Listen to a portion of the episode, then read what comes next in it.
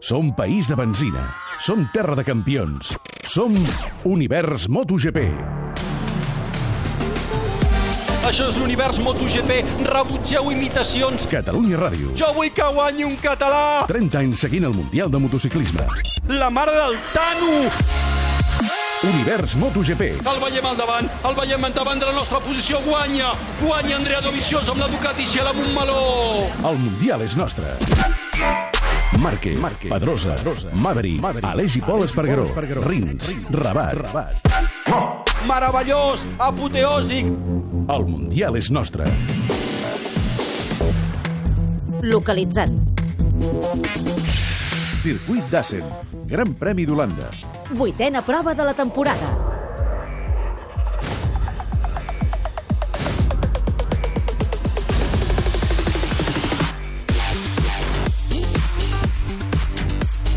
Just ara fa 25 anys, en aquest mateix circuit a Assen, Àlex Cribiller aconseguia la primera victòria d'un pilot català o espanyol a la categoria reina, l'aleshores 500 centímetres cúbics.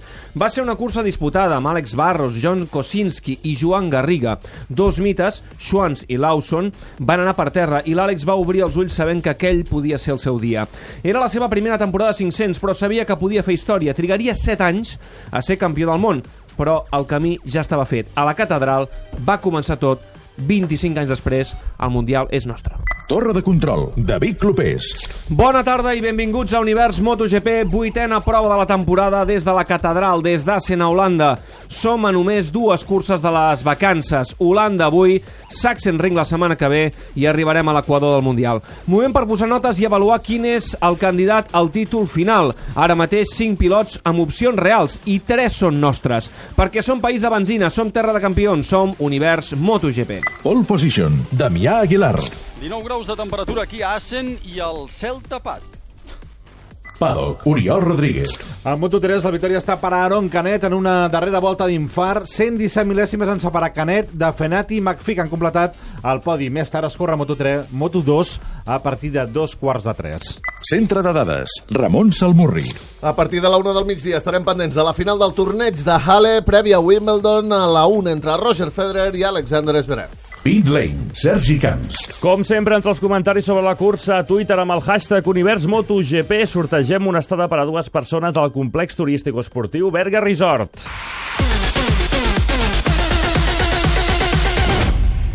Movistar Plus us ofereix aquest espai. Ets fan de Nicky Romero i de Jorge Lorenzo?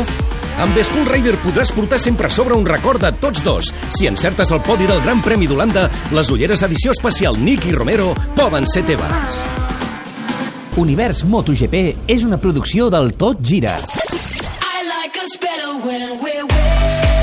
Som Univers MotoGP.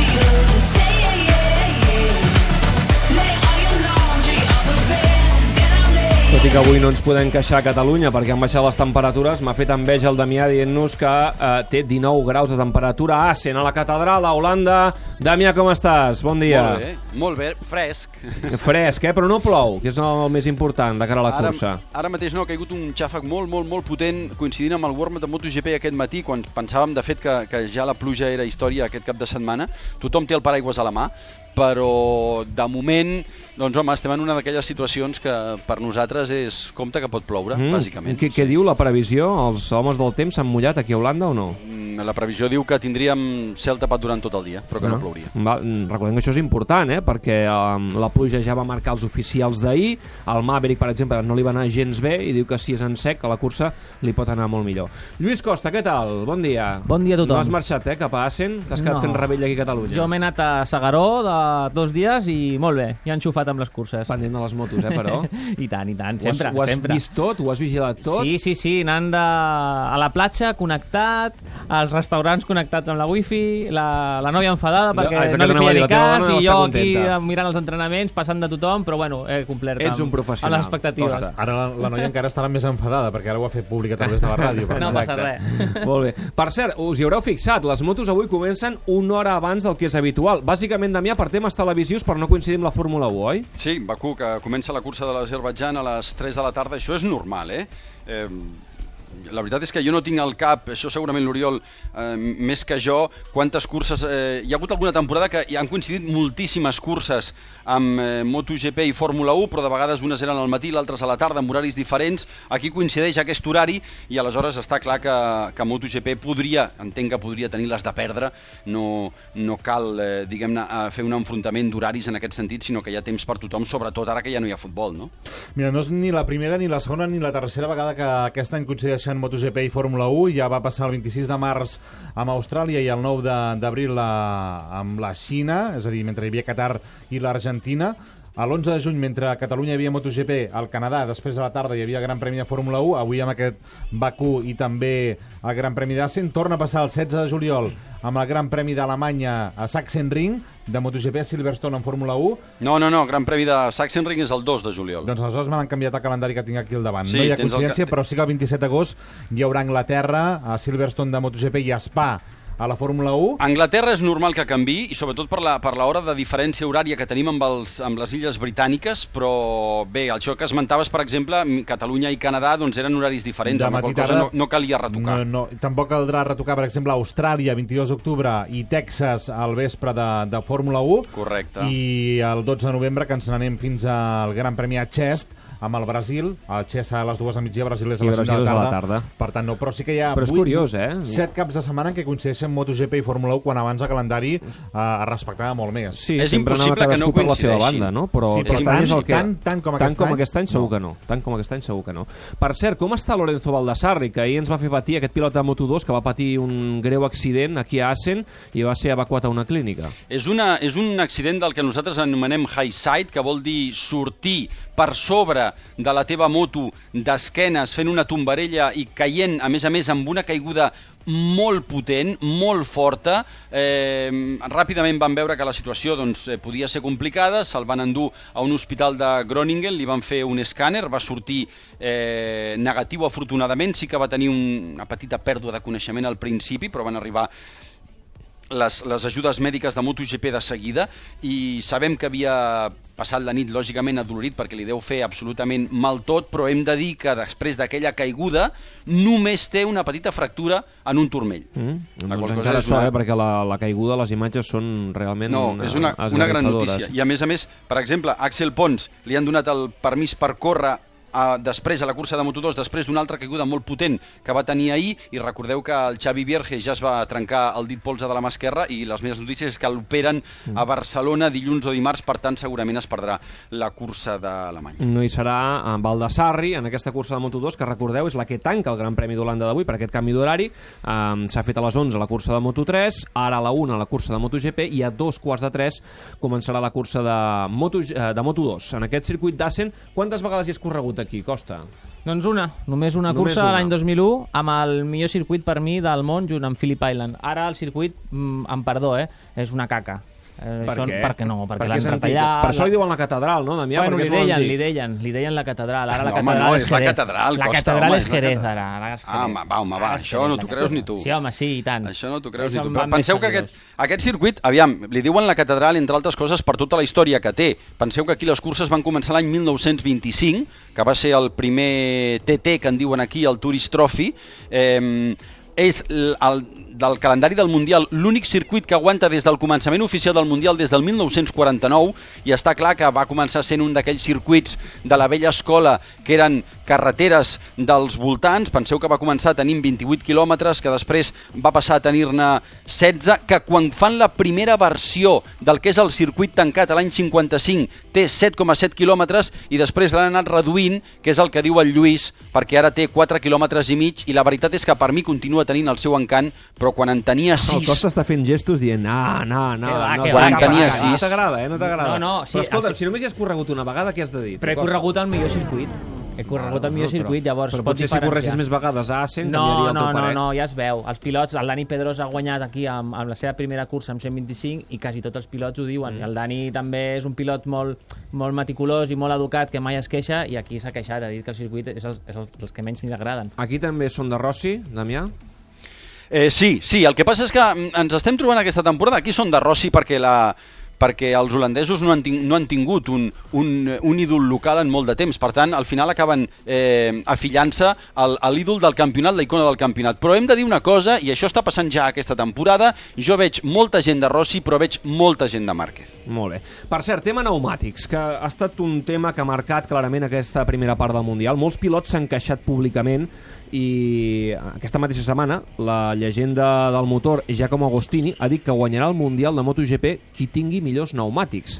Eh, Michelin ha promès canvis, però ara mateix la situació quina és? Posem una mica d'ordre perquè hi ha un enrenou, un embolic amb pilots que han estat molt crítics amb el tema dels pneumàtics en Michelin que farien bé de posar-hi ordre, Damià. Aviam, hem de dir primer que Cal Crutchlow ha estat el, el, el, el més crític i després Maverick Viñales també a la seva manera. Tot i que el Maverick Viñales aquest cap de setmana va tenir una trobada amb Michelin per aclarir, ahir ens ho va explicar, per aclarir conceptes i deixar les coses De- Del clares. que es Aquesta- queixen els pilots, Damià, és que els pneumàtics que els subministra Michelin, que és el subministrador oficial, no els acaben d'agradar. No, el que passa és que un, gran, un, un cap de setmana van bé per Ducati, un cap de setmana van bé per Yamaha i un cap de setmana van bé per és Honda. com una I quan- loteria, eh? En funció de la Clar. moto van bé uns o els hi va bé als altres. I, I quan passen aquestes coses el que ha són sospites que Michelin vulgui beneficiar algú. Mira, Michelin, deixem-ho ben clar, perquè nosaltres també els hem criticat, són fent pneumàtics dels millors del món. El que passa és que han volgut filar molt prim. Els seus pneumàtics treballen amb una temperatura molt... Eh, un, un marge de temperatura molt estret. Si hi ha un pneumàtic que treballa a 25 graus i el senyor Maverick Viñales l'usa en la classificació i fa la pole i després decideix que va a carrera i a carrera fa amb 22 graus, resulta que aquell pneumàtic no funciona. Què han demanat els pilots? Que facin uns pneumàtics amb una banda de treball més àmplia pel que fa a les temperatures. De moment, aquest cap de setmana, sembla, dic sembla, que més o menys els que es queixaven no es queixen tant, però hem d'acabar de veure Però el quina circuit és també eh, té la més situació. grip, aquest circuit també té més grip i està contraperaltada les curses, Però, les però a veure, corbes. eh, és a dir, els pneumàtics són iguals per tots.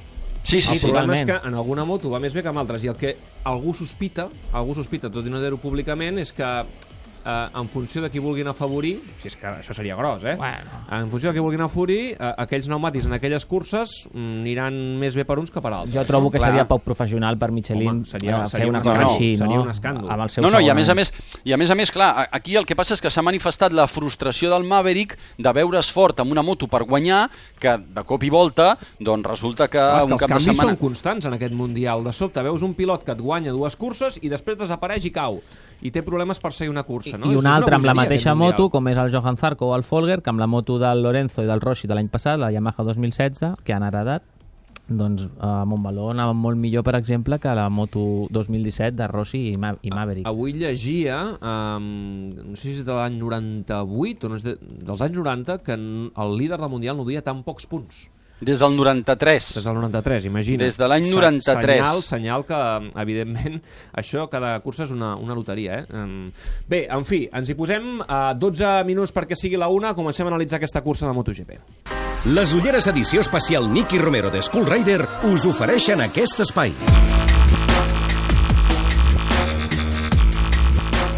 Com sempre tenim aquestes ulleres Skull Rider per posar en sorteig a través de Facebook i de Twitter. Us demanem la porra del podi d'aquesta cursa de, de MotoGP. Les ulleres d'aquesta setmana són les Skull Rider model Nicky Romero. Nicky Romero és un DJ, oi? És un DJ holandès. Ja sabeu que Skull Mira, Rider sempre... Em diu el Roger Fontarnau, Ah, el tècnic, que això és de, del DJ Nicky Romero. Coneixes Lluís Costa, Nicky Romero? El conec per les xarxes socials i... Que, home, aquesta és Queda, eh? queda malament dir-ho, però és veritat. Aquesta- Compartim aquesta patrocinador, que és. Skull Rider. DJ Nicky Romero. Sí, sí, sí, sí. Sí que sí. Doncs Aquesta- mira. Segur que l'has ballat, aquesta. Home, i tant.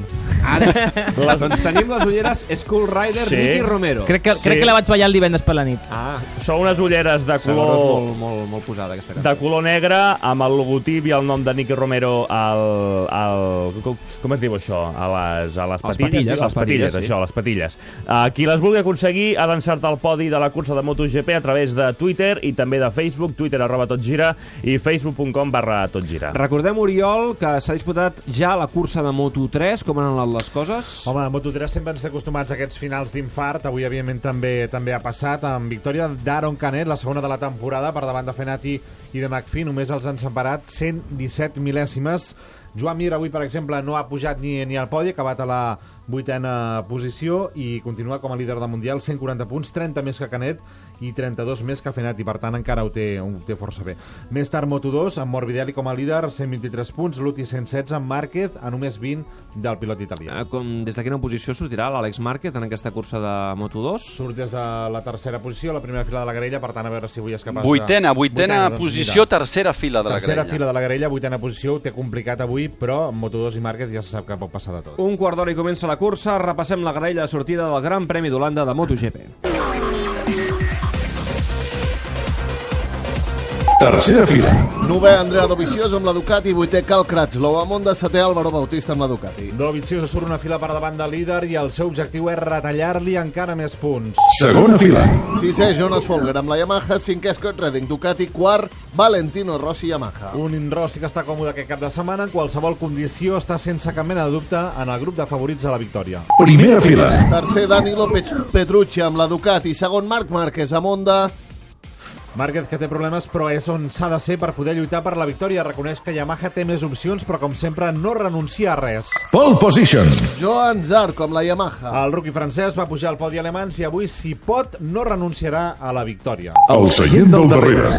11è Maverick Viñales amb la Yamaha, 12è Dani Pedrosa amb Honda, 15è Aleix Espargaró amb Aprilia, 17è Alex Rins, Suzuki, 19è Pol Espargaró, KTM, 21è Jorge Lorenzo amb la Ducati i 23è Tito Rabat amb Honda. Fa un any a l'univers Benvinguts a la catedral del motociclisme, el lloc ideal per gaudir d'aquest esport celestial. Andrea Dovizioso des de la pole position amb Valentino Rossi al seu costat i Marc Márquez una miqueta més endarrere. Comença la cursa.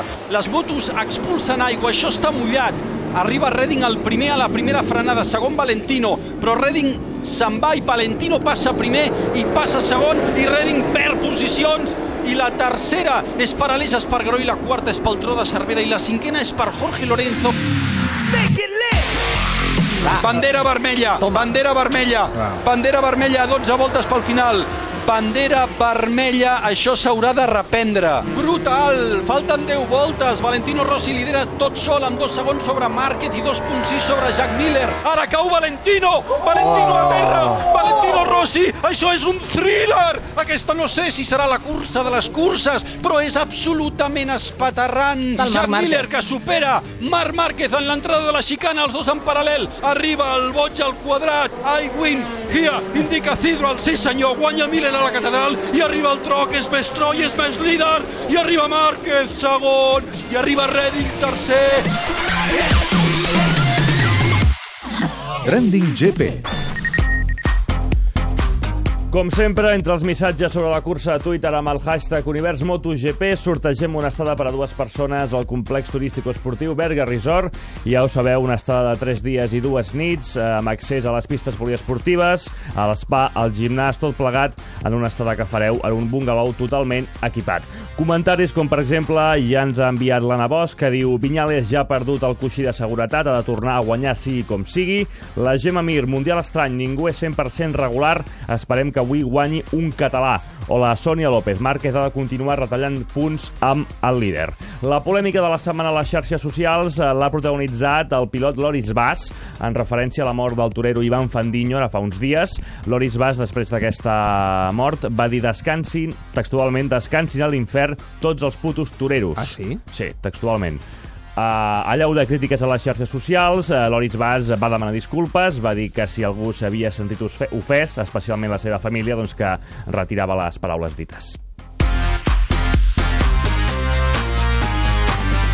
Has estat mai en un resort? Bé, al Berga Resort. Eh? On què? Si has estat mai al Berga Resort, on pots viure en un bungalow, entrar i sortir del Wellness Center, banyar-te i nedar en piscines per tots els gustos, disposar d'un servei fantàstic... Jo no, i tu? Sí, però junts serà diferent. Ah, i on és? A Berga, i anirem per la C16 i al quilòmetre 96 agafarem la sortida 95 Berga Sud i ja hi serem. Molt bé, i anirem tota la família. Xarxa de concessionaris Hyundai de Catalunya patrocina aquest espai. Moments universals.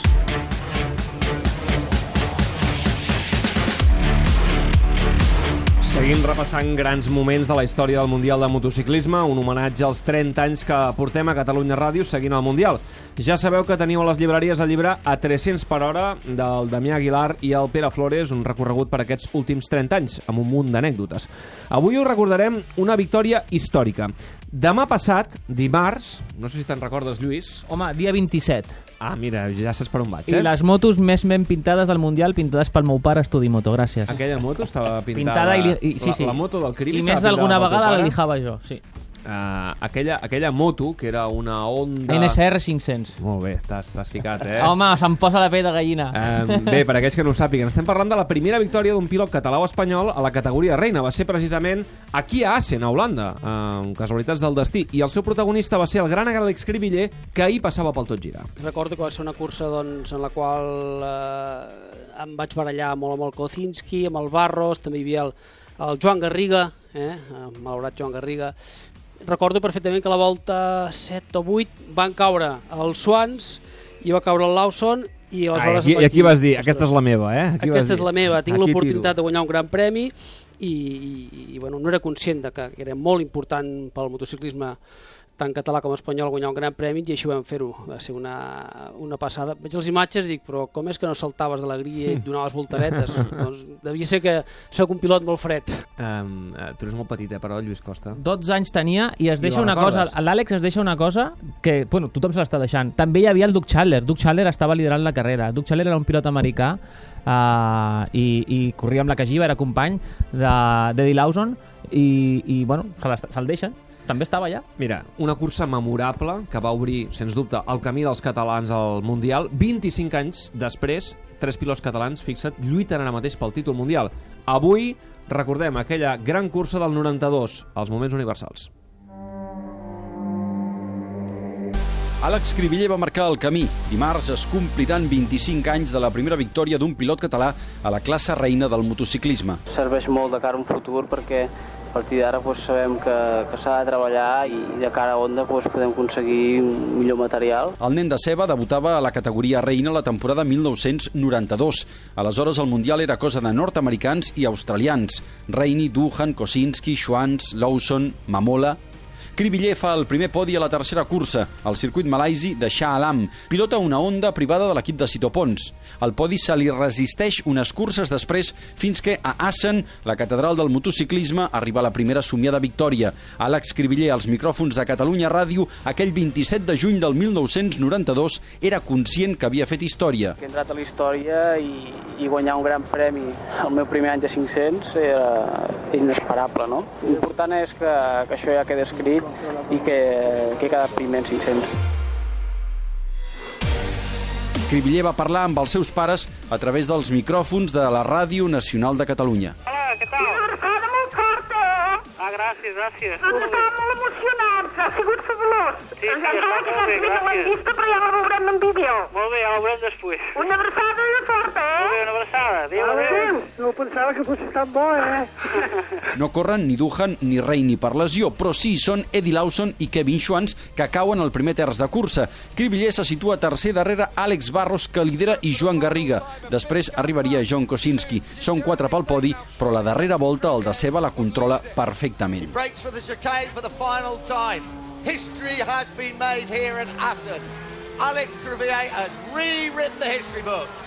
Crivier takes his first 500cc win. Kaczynski second, Barros third. Cribiller va córrer dues temporades a l'equip privat propietat de Cito Pons. El 94, Honda el fitxa com a pilot de fàbrica per ser company del pentacampió Mick Duhan. El Hyundai Tucson va arribar per canviar percepcions i molts van canviar, convertint-lo en el sub més venut a particulars l'any 2016. Ara, des de 17.900 euros. Troba'l a Hyundai Masterclass, el teu concessionari oficial Hyundai a Barcelona, al carrer Aragó, La Maquinista i al passeig de la Zona Franca i a masterclass.es. Onda Tauler, concessionari oficial Onda Barcelona, us ofereix aquest espai. Lluís Costa, la veu de l'asfalt. 6 minuts i començarà la cursa. Lluís, Yamaha, de moment en sec, és uh, la gran favorita per la cursa d'avui? Sí, totalment. Uh, té el millor xassis i si les gomes van bé, mm, compte que ni els veuran. Eh, I entenc, per tant, que el Maverick, malgrat sortir 11, no el descartes. Jo no el descarto. Uh, és això, surt molt enrere, uh, la por és que no s'atabali, que no es posi nerviós, que no faci una mala sortida, que no es toqui amb algú perquè voldrà recuperar, sap que pot recuperar, però clar, sempre és complicat tenint més gent davant. Eh, també compta amb el, amb el Zarco, que el Zarco ha fet la pole, Uh, l'ha fet amb aigua, però bueno, és igual, té bon ritme també amb sec, ve de fer podi a, a, a França i molt bona cursa a Montmeló. És evident que si plou tot pot canviar i aleshores serà una loteria, però si no plou, ens posem en el supòsit que, que no plogui, el Marc, que ahir ho va fer força bé, se li va escapar la pola a última hora, Marc Márquez té opcions de victòria en sec. Si, la, si no plou, els pilots amb més ritme amb sec eren Marc Márquez, Maverick Viñales, Folger i Rossi. No hi ha més. Uh, després hi ha altres pilots que, Zarco, que, que Zarco una per volta... tant, va aconseguir la pol sobretot gràcies a l'aigua. Sí, sí, sí, sí, bueno, clar, va ser un curs amb aigua, va ser el, que, el pilot que, eh, que li posa més l'uda que tenim a, a baix valent, i va val. ser el que li va posar més i res, va fer la pol, però bueno, tant, amb aigua sec, tot canvia. En sec, Zarco no hauria d'estar entre els candidats a la victòria final. Uh, pot sorprendre, pot sorprendre perquè han rodat molt poc amb sec i aquest noi és molt bo. El noi és molt sí. Ja sabeu que la general del Mundial tenim Andrea Dovizioso amb una Ducati eh, amb, amb clares opcions. Eh, està lluitant pel, pel títol mundial, és tot just segon, molt a prop de Maverick Viñales, 104 punts Dovizioso, 111 Maverick Viñales. Avui la Ducati de Dovizioso pot ser sorpresa, pot seguir amb la seva línia de sorpresa o no? Uh, ostres, que aquest any Ducati sorprèn moltíssim. A Montbaló no comptàvem amb Dovi i mira, va guanyar la cursa. Aquí a Assen els entrenaments han sigut amb, amb aigua, uh, ha rodat bé, no, no, no, no ha rodat lent, uh, amb sec uh, està allà, està entre els cinc primers amb sec, uh, però trobo més que serà una cursa entre Yamaha i Honda. Ah, hi ha una cosa que em sorprèn mirant la grella de sortida. Com és possible que Lorenzo hagi fet la pitjor classificació, atenció, des de Jerez 2003, que va ser 22è, Amb amb, la amb Derby. 125 centímetres cúbics, avui 21, eh? Bueno, uh, té, diverses, té diverses explicacions. Ahir amb les declaracions amb el Damià, a tot gira, deia que, que no tenia sensacions, que no tenia feeling amb, la, amb el pneumàtic de davant. Un pilot uh, de MotoGP, quan no té unes sensacions amb el pneumàtic de davant, està perdut.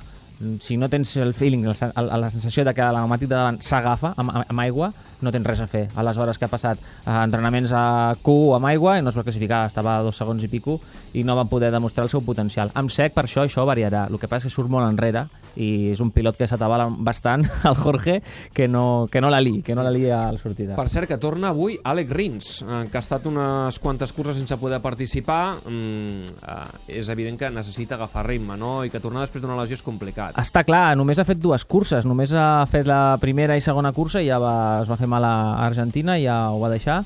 Uh, torna amb molta, moltes ganes, uh, necessita acabar curses, necessita agafar experiència i pensar més en la segona meitat de campionat i optar ja a fer algun resultat bo.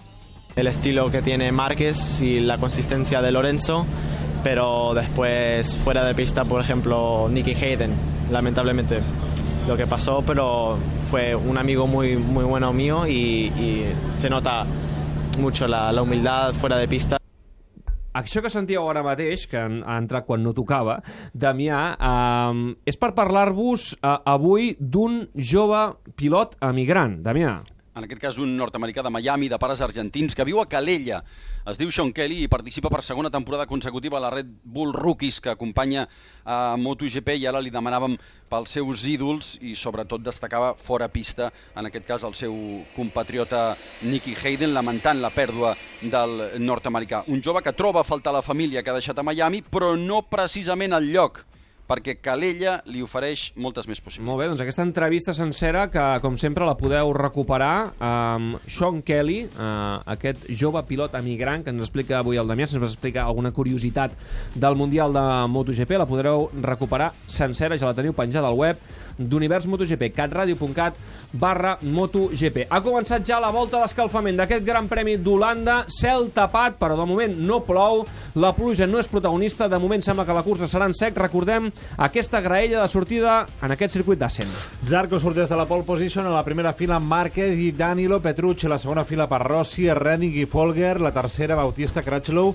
I Dovizioso. A partir d'aquí, Viñales sortirà 11è, Pedrosa 12è, Aleix Espargaró 15è, Alex Rins 17è, Pol Espargaró 19è, Jorge Lorenzo 21è, 21è i Tito Rabat 23è. Classificació del Mundial de MotoGP amb Maverick Viñales líder, però tot, tot, tot molt ajustat. Viñales 111, Dovizioso 104, els separen 7 punts, Márquez 88 a 23 de Viñales, a partir d'aquí Pedrosa 27, a Rossin té 83 a 28, Zarco 75 a 36, Jorge Lorenzo setè a 52 punts del de Roses. Comentari sobre la cursa a Twitter amb el hashtag Univers MotoGP. Sortegem una estada per a dues persones a Berga Resort. L'Àlex Jordà de Cribillà Márquez, 25 anys gloriosos de motos i en català. La Míriam Garraf, Cribiller va marcar el camí, som una potència mundial. I el Jordi Lluís, avui espero un duel Márquez-Rossi amb la possible presència de Maverick, de Maverick Viñales. A partir de la una, pendents del tennis, a Halle final entre Roger Federer i Alexander Zverev, torneig previ a Wimbledon.